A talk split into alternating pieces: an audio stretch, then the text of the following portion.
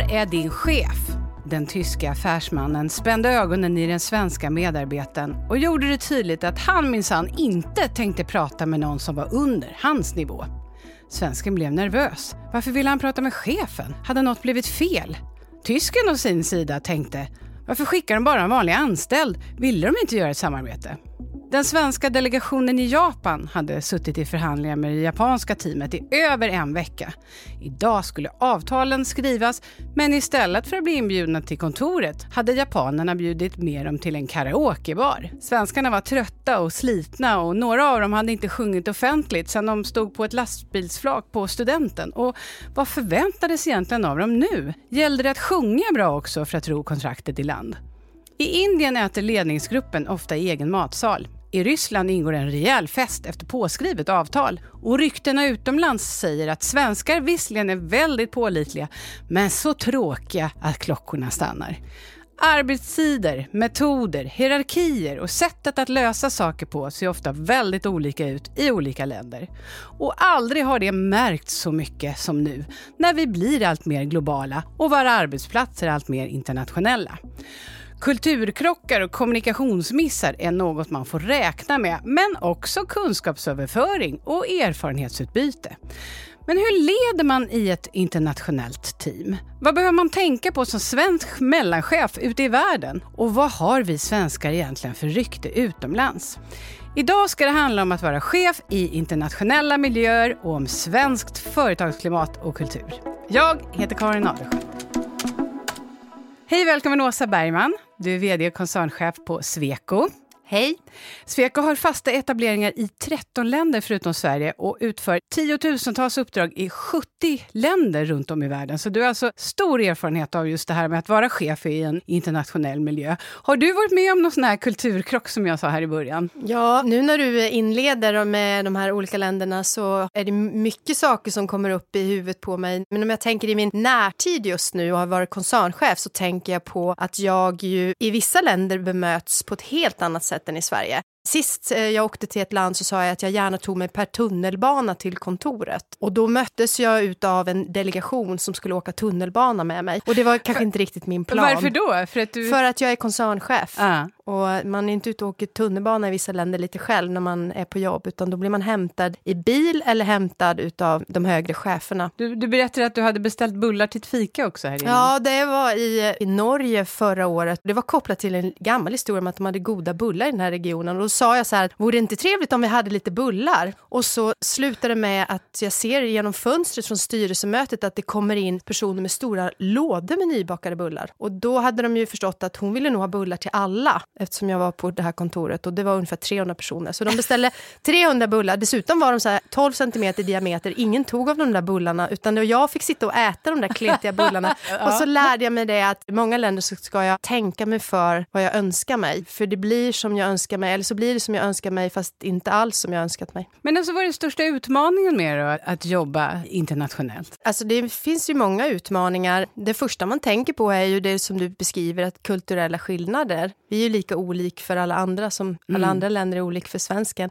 Jag tycker att den största utmaningen är att hela tiden att ha lite de glasögonen på sig och förstå att det är skillnader. Och jämför man synen på en hög chef i Sverige jämfört med flera andra länder så är det ju just hierarki och status och hur man ser på en koncernchef. Hur har du fått lära dig det då? Är det trial and error? Ja, lite så. Er platta organisation, säger ni själva, är en del av framgångsreceptet för er på Sweco? Vi har ju en väldigt lång historia och vi har under de här åren funderat på hur vi ska vara organiserade för att vi ska operera den här typen av verksamhet absolut bäst. Och den tydliga raka linjen med ett tydligt chefsansvar på varje nivå och dessutom eftersom vi är en konsultorganisation så ska vi tynga vår organisation med så lite kostnader som möjligt och då ska vi vara lean som vi kallar det. Alltså man ska inte bygga på sig så mycket chefsnivåer för det är mycket kostnad och så ska man se sin organisation på ett sätt som att cheferna supporterar där projekten händer. Och det kräver ju en viss typ av ledarskap som är, skulle jag vilja säga, ganska nordiskt i sitt sätt att se saker på. Och det fungerar ju i de länderna där man kan se på sin organisation på det här sättet. Men det är klart att det blir en krock med de länderna som har starka hierarkiska strukturer där man tittar på chefen och förväntar sig att chefen ska fatta besluten och tala om vart medarbetarna ska gå. Och jag ser på en organisation på ett annat sätt eftersom kunden är utgångspunkten. Behovet av vår kompetens är utgångspunkten och projektet är ganska litet i snitt hos Sweco. Så där har du liksom hela kraftfältet som vi ska vända oss emot och supportera. Ja, hur gör ni då? För så här ser det ju långt ifrån ut, framförallt med andra företagskulturer i andra kulturer. Man gör massa olika saker, men en sak handlar ju om att vilja på respektive marknad bli absolut bäst. Vi kan hoppa till England där man hade ungefär 9-10 lager med chefer. Vi plockade bort de chefsnivåerna. Sen bytte vi också ut högsta ledningen och vi har en chef där som har en helt annan bakgrund. Han har jobbat i internationell miljö, men han är britt och han kommer inte från våran bransch.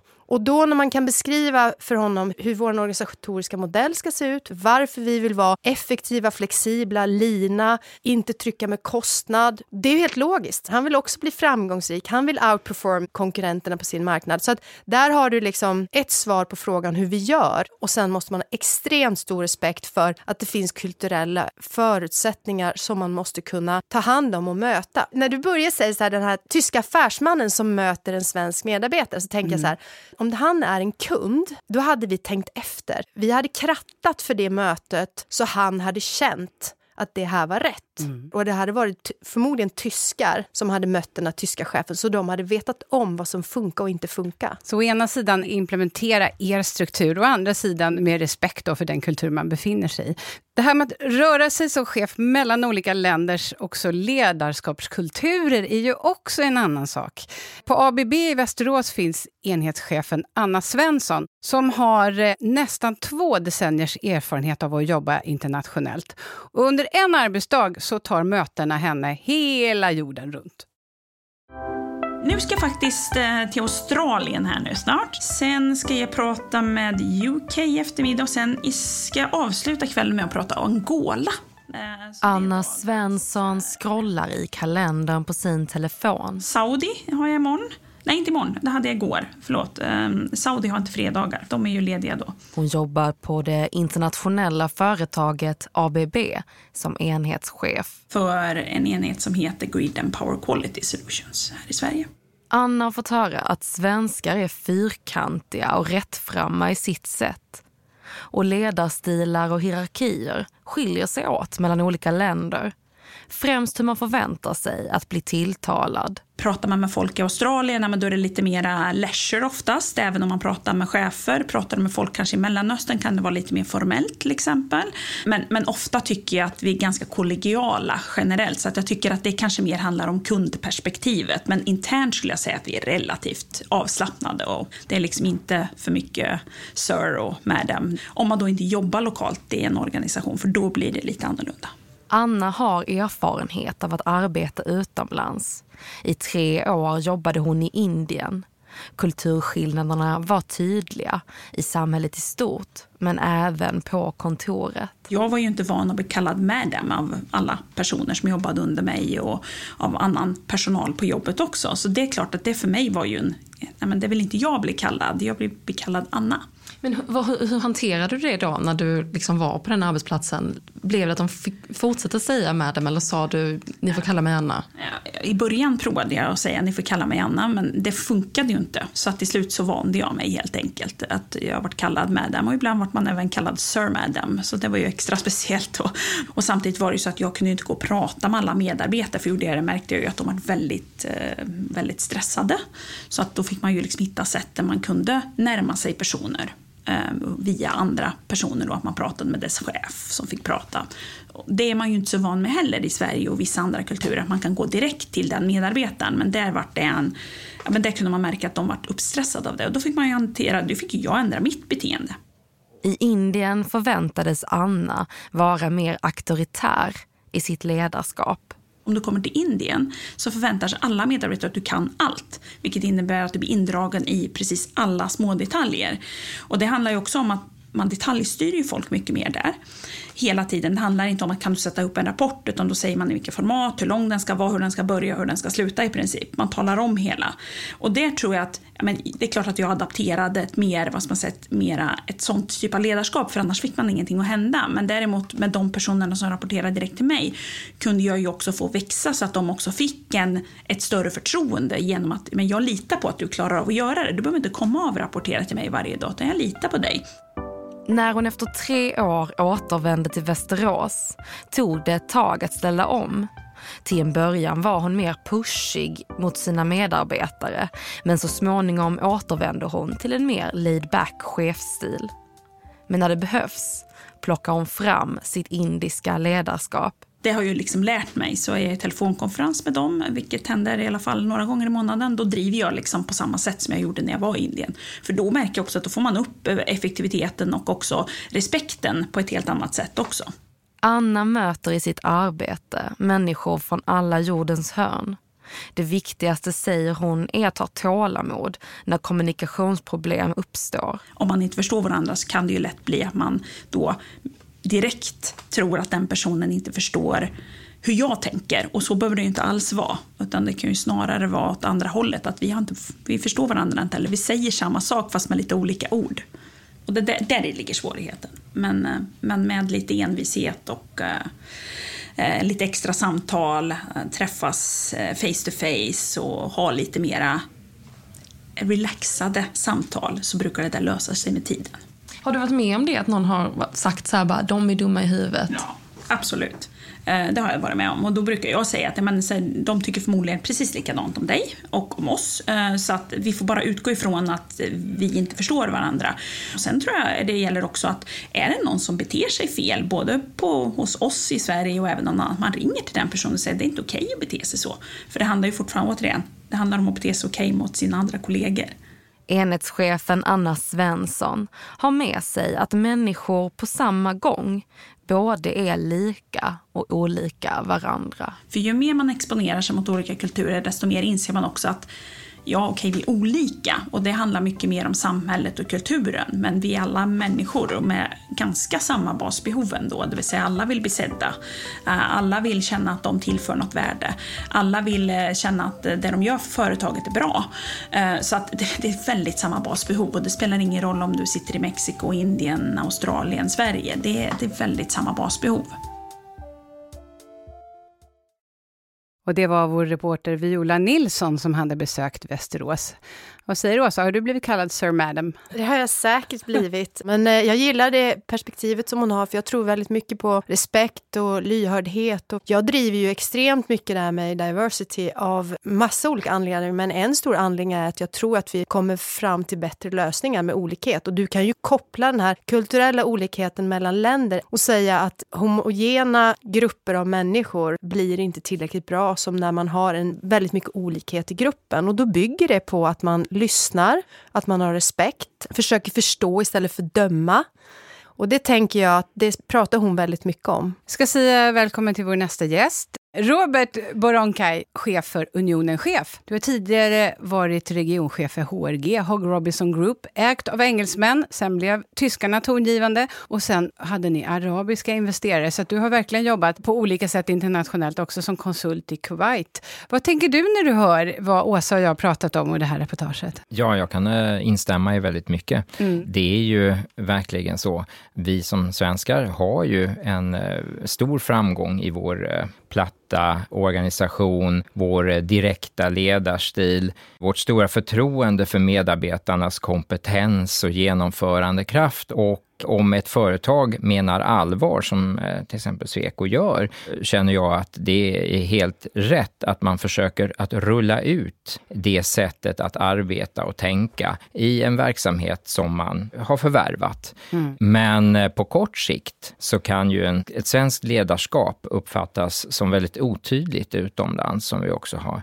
tangerat här tidigare. Ja, du har själv ett exempel på det när du jobbade i Kuwait. Berätta. Ja, det blev ju en ganska otrevlig kultur kulturkrock. Eh, vi jobbade med eh, återuppbyggnaden av eh, Kuwaits internationella flygplats efter Kuwaitkriget och och eh, vi var en svensk underkonsult. Eh, min företrädare fick alltså åka hem. Han var inte önskad längre av uppdragsgivaren eftersom han eh, hade betett sig lite rationellt på svenskt vis. De hade ju haft många långa möten och han hade snabbt kommit underfund med att aha, det är den här ingenjören som sitter på kompetensen om var teleskopen och, och, andra saker som han behövde se fanns på flygplatsen. Det var, det var ju killen med nycklarna.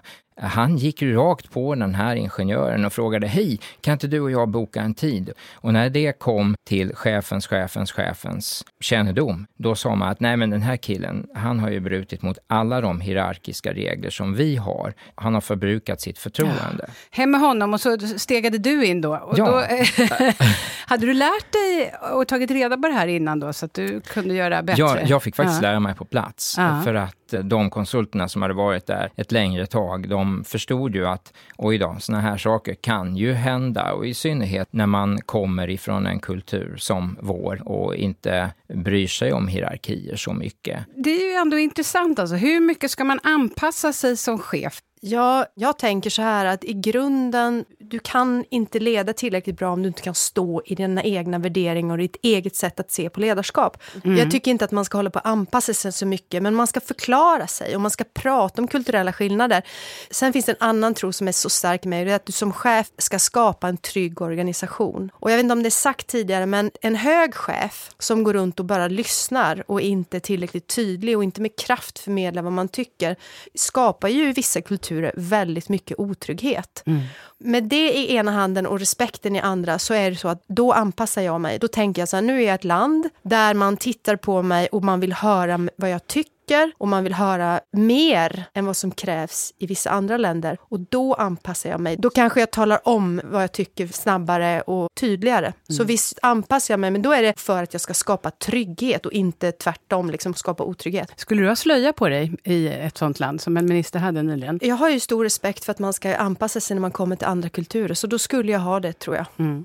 Robert, du menar ändå så att vi är lite för kaxiga i Sverige, tycker att den svenska modellen är den bästa, att det inte alltid är det? Ja, man kan väl säga så här att eh, det finns ju ett antal hundra miljoner, för att inte säga miljarder människor som arbetar med viss framgång ute i världen också. Vi är ju en liten minoritet och vi har ju utvecklat ett sätt att vara eh, som fungerar jättebra för oss. Men bevisligen så finns det ju andra sätt som också fungerar. Ledarskap utvecklas, kulturer utvecklas hela tiden. Det görs ju precis som Åsa säger med respekt. Vi kan inte dundra in som svenskar. Och, Men gör vi det då? Eh, nej, vi dundrar inte in. Men eh, vi applicerar ett svenskt förhållningssätt mm. på vårt arbete i det landet där vi kommer. Och eh, där tycker jag att vi kan göra många gånger vår läxa lite bättre och innan vi kommer då? dit. Ja, men att lära sig mer om vad det är för ledarskapskultur och eh, kultur som gäller i det landet där man kommer. Jag menar inte att man ska lägga sådana värderingar på sig själv som man inte kan stå för. Då mår man inte bra. Vad säger du Åsa, vad har vi för rykte, svenska chefer utomlands, som vi just tittar på det? Det är väl att vi är inte jättetydliga och att vi går runt och frågar saker och vi ja. blir lite så här halvt otydliga. Och så, vi, och så vill vi gärna då mm. vara en del av gruppen och en del mm. av alla andra så att vi blir lite halvt obekväma när vi ska liksom tittas på med pedestal. Och det har jag ju gett sken Jag tycker man ska läsa på mm. och sen så ska man tänka det att alla människor kan ju egentligen bara relatera till var man kommer ifrån och vad man har lärt sig. Mm. Så jag tänker så här om tio år när jag har suttit i den här globala rollen tillräckligt länge så kommer mitt ledarskap och min förmåga att utvecklas i relation till olikheten. Alltså det här ständiga lärandet även när det gäller att vara chef, ledarskap och kulturskillnaderna. Det är också ett område att liksom utveckla och lära sig kring. Säg att du klarar dig jättebra där. Du vet hur man kommunicerar, du är tydlig i din övertygelse om vad du står för och vad ditt ledarskap innebär. Men sen ska du som chef hantera andra som liksom inte är riktigt med på den banan. I varje poddavsnitt, Åsa, så låter vi skådespelerskan Amanda Oms spela en anställd.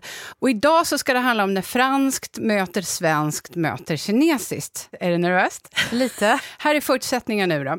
Ni på Sweco har visat intresse för att köpa ett franskt konsultbolag specialiserat på solkraft. Men nu har det visat sig att även en kinesisk koncern har visat intresse för bolaget, vilket har gjort att ni får höja era ambitioner, för det här är någonting ni verkligen vill komma över. Du måste förstärka förhandlingsteamet och har gått igenom alla era interna kompetenslistor och hittat en intressant person. Hon är nyligen anställd. Hon kommer från en känd diplomatfamilj och har jobbat och studerat internationella relationer på Cambridge, jobbat ett par år inom FN i såväl Frankrike, Schweiz som Tyskland. Så du tänker att hon är perfekt och du sätter henne i teamet. Men efter väldigt kort tid får du höra att den här anställda har bokat en väldigt lyxig resa till fransmännen. Ni ska åka och besöka ishotellet i Jukkasjärvi. Och något sånt är ju inte riktigt okej, okay, så att nu har du kallat in henne för att förklara för henne och få en förklaring. Och här kommer din anställda Amanda. Välkommen in. Ça va bien? Välkommen. Tack. De här fransmännen ser ju verkligen fram emot att träffa oss. Hur hade du tänkt att det här mötet skulle gå till? Nej, men jag har och planerat. hur ser programmet ut? Ja, men jag har ju planerat då att vi liksom verkligen för att bevisa för dem att vi uppskattar deras företag så vill jag liksom ge dem ja, liksom hela portföljen så att de kan ta vackra bilder och skicka till sina familjer. Att de känner att vi också liksom investerar vår personlighet. Det är ju ofta att man liksom får det problemet just med fransmännen. De, de uppskattar verkligen att man känner att vi liksom tänker ge dem vår code of conduct som vi har är rätt tydlig med vad vi menar med att investera av oss. Så jag tänker så här att ta emot dem och att verkligen ge dem en djup bild av vad Sweco är för ja, företag. Men det, det, är väl underbart att de verkligen känner känslan av att se naturen av Sverige. Det är valuta. Att de kan liksom få uppleva, känna den friska luften, det som, det som är problemet, Det som är problemet för mig och det som är anledningen till att vi har det här mötet är att vår code of conduct och de reglerna vi har när det gäller representation och vad vi investerar i relation till en potentiell affärspartner i det här fallet Men du vet är för lika stora. bra som mig att det kommer att fungera mycket bättre. Alltså är det verkligen värt att förlora den här affären bara för att, för att vara politiskt korrekt? Absolut. Alltså, så här är det att jag är beredd att förlora affären om vi är tvungna att välja mellan följa vår code of conduct och våra representationsregler eller att göra den här utflykten med det programmet. För Men vem ska skicka mejl till dem? Jag har redan bjudit in dem. Det här kommer bli jättebra, jag vet det. Programmet är säkert bra, men det bryter mot alla våra regler så vi måste hitta ett sätt att ha en annan typ av program. Sant. Det är jätte jättefint, men det är för dyrt och vi kommer påverka dem och där begår vi ett lagbrott. Så därför så kan vi bara bestämma att det blir inte det, utan vi måste komma upp med en plan nu om hur vi kan leverera in Sweco på absolut bästa sätt mot det här bolaget. Och klarar vi inte det utan det här programmet går den här affären potentiellt i stöpet och det är jag beredd att ta. Då bryter vi där. Tack så mycket. Hur kändes det? Ja, men det kändes väl bra då. Det finns ju saker som man måste vara som chef väldigt tydlig med. Eh, just vilken code of conduct man har och vilka regler och vilka policies man har när det gäller vad som är okej okay och inte okej okay i en verksamhet. Hade den här medarbetaren jobbat i Sweco hon hade kunnat code of conducten, hon hade blivit uppföljd på den um, och vi hade kunnat vara i den här situationen, så den är reell. Ja. Men det här är ju en sån här sak som vi är kristallkrispiga ja, kring. Och, det har, och det har att göra med att uh, det här är liksom a license to operate. Ja, för ni kan till och med förlora affären, sa du, utan att blinka absolut, där. Och absolut. du menar allvar? Ja, ja, ja. ja. Påverkar du en person mm. i ett upphandlingsförfarande genom att ge den ett värde av det här slaget? Men det här är ju jättevanligt då, i alla andra länder. Då begår du ett lagbrott. Vi opererar inte på det sättet. Därför Nej. väljer vi bort vissa länder och vi agerar på det här sättet och följer vår code of conduct. Så det är en no-brainer för mig. Och har jag medarbetare som inte är beredda att följa det och säger mm. att jag kan inte göra mitt jobb om inte jag får liksom göra den här typen av aktiviteter, då får den personen sluta hos oss. Robert, vad säger ja, du? Hur sköter ja. sig Åsa här? Ja, det var ju Elisa för örat att lyssna på. Faktum är att man märker att Åsa faller ju tillbaka på tydlighet i företagets eh, regler, mm. vad man etiskt anser är korrekt och att man verkligen lever sin etiska policy också. Man talar om vad som inte är okej okay och är beredd att ta konsekvenserna av det. För det här är ju jättevanligt internationellt, att ja. man faktiskt bjuder och att man på olika sätt liksom försöker påverka. Vad är egentligen tillåtet om vi skulle titta på Sverige just? Du får i grunden inte göra någonting som påverkar den andra partens värderingar. Nej. Eller du känner att du skyller mig någonting. Du bjuder på 300 bullar där men jag, kanske kan, ja. men jag kanske kan bjuda dig på en bulle och en kopp kaffe och en lunch. Liksom. Ja. Jag har jobbat så länge så att för 30 år sedan så såg man den här typen av program. Mm. Det är helt andra lagstiftning idag. Det är helt andra förutsättningar. Vårt varumärke förstärks av att vi är tydliga med att vi har en code of conduct som är kristallklar.